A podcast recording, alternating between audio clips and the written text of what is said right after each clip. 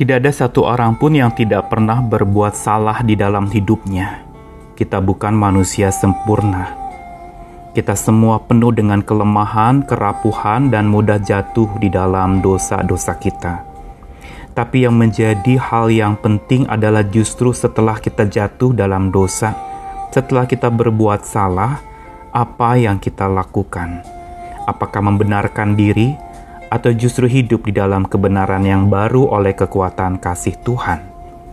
Saya Nikolas Kurniawan menemani kita sekalian dalam sabdanya menyapa kita lagi hari ini dari Mazmur 51 ayat yang ke-18 sampai 19.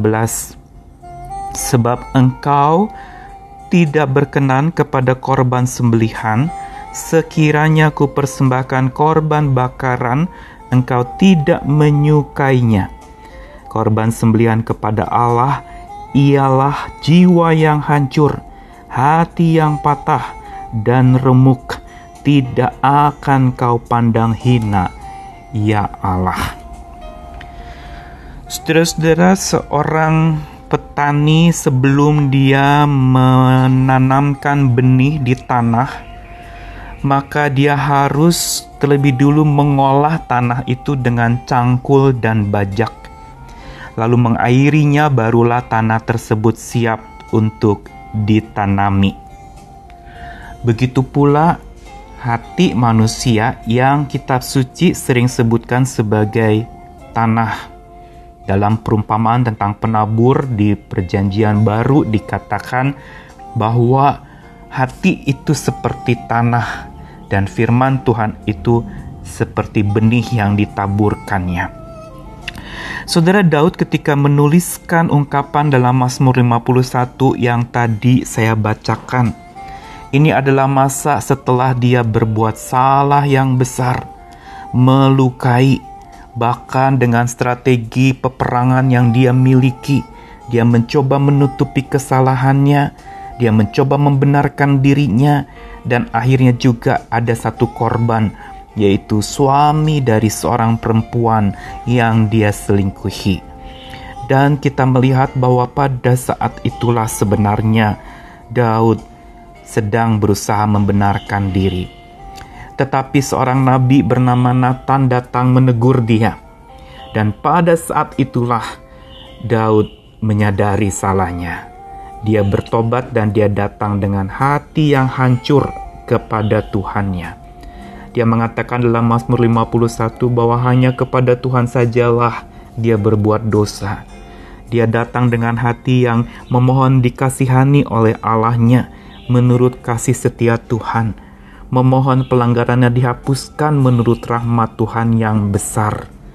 Dan sebuah statement yang agung muncul dengan dia mengatakan bahwa Tuhan tidak berkenan pada korban sembelihan, tetapi Tuhan memperkenankan hati yang hancur, yang remuk redam, yang penuh pertobatan datang kepada Tuhan. Saudara inilah sebenarnya sikap yang harusnya kita miliki setelah kita berbuat salah atau dosa di hadapan Tuhan, yaitu ada hati yang hancur mengakui salah kita, hati yang hancur dan mau bertobat, mau hidup di dalam kebenaran, tidak membenarkan diri sendiri, tapi justru berjuang untuk hidup benar oleh kekuatan kasih dan kebenaran Tuhan. Saudara, ketika tanah hati kita yang keras itu dicangkul, dan di situlah ada rasa sakit, hancur, tapi di situlah sebenarnya Tuhan sedang membentuk tanah itu menjadi tanah yang gembur membentuk hati kita menjadi hati yang sungguh-sungguh siap ditanami oleh kebenaran firman Tuhan. Hati yang hancur ibarat tanah gembur yang sudah dicangkul itu, yang memang sakit, yang memang itu sesuatu yang melukai, tetapi justru setelah jadi tanah gembur, maka itu menjadi tempat benih kebenaran itu bertumbuh dan membuat kita menjadi dewasa dan iman kita bertumbuh subur dan mendewasa limpah juga dengan penuh syukur kepada Tuhan. Inilah juga yang sebenarnya Tuhan maksudkan dengan apa yang Daud katakan. bahwa yang Tuhan kehendaki adalah hati yang hancur. Kenapa? Karena justru Tuhan tahu hanya hati yang hancur itulah yang bisa menjadi kendaraan yang paling tepat untuk seseorang bertumbuh menjadi pesat, dewasa, hidup dalam kebenaran, takut akan Tuhan, mendewasa limpah dengan penuh syukur kepada Tuhan, dan tidak lagi mengulangi kesalahan-kesalahannya, walaupun dia sulit untuk bisa melakukannya dengan kekuatan sendiri. Saudara, setiap kita bisa saja berbuat salah tapi hari ini sabda Tuhan ingin mengatakan, datanglah kepada Tuhan dengan hati yang hancur. Datanglah kepadanya mengakui segala kelemahanmu, kejatuhanmu. Jangan berbangga dengan segala dosa dan kesalahan itu, tapi datanglah naik ke tangga kasih karunia Tuhan dan berserah lagi kepadanya. Tuhan tidak pernah memandang rendah hati yang hancur, karena Dia tahu pertobatan sejati dari anak-anaknya yang menyadari kesalahan. Untuk itulah maka kasih Tuhan menjadi bertumbuh subur dan hidup kita sungguh boleh makin berlimpah kasih karunia Tuhan melalui kita. Biar hari ini kita mau belajar memeriksa diri di hadapan Tuhan sebelum kita menyalahkan orang lain. Mari kita periksa diri kita.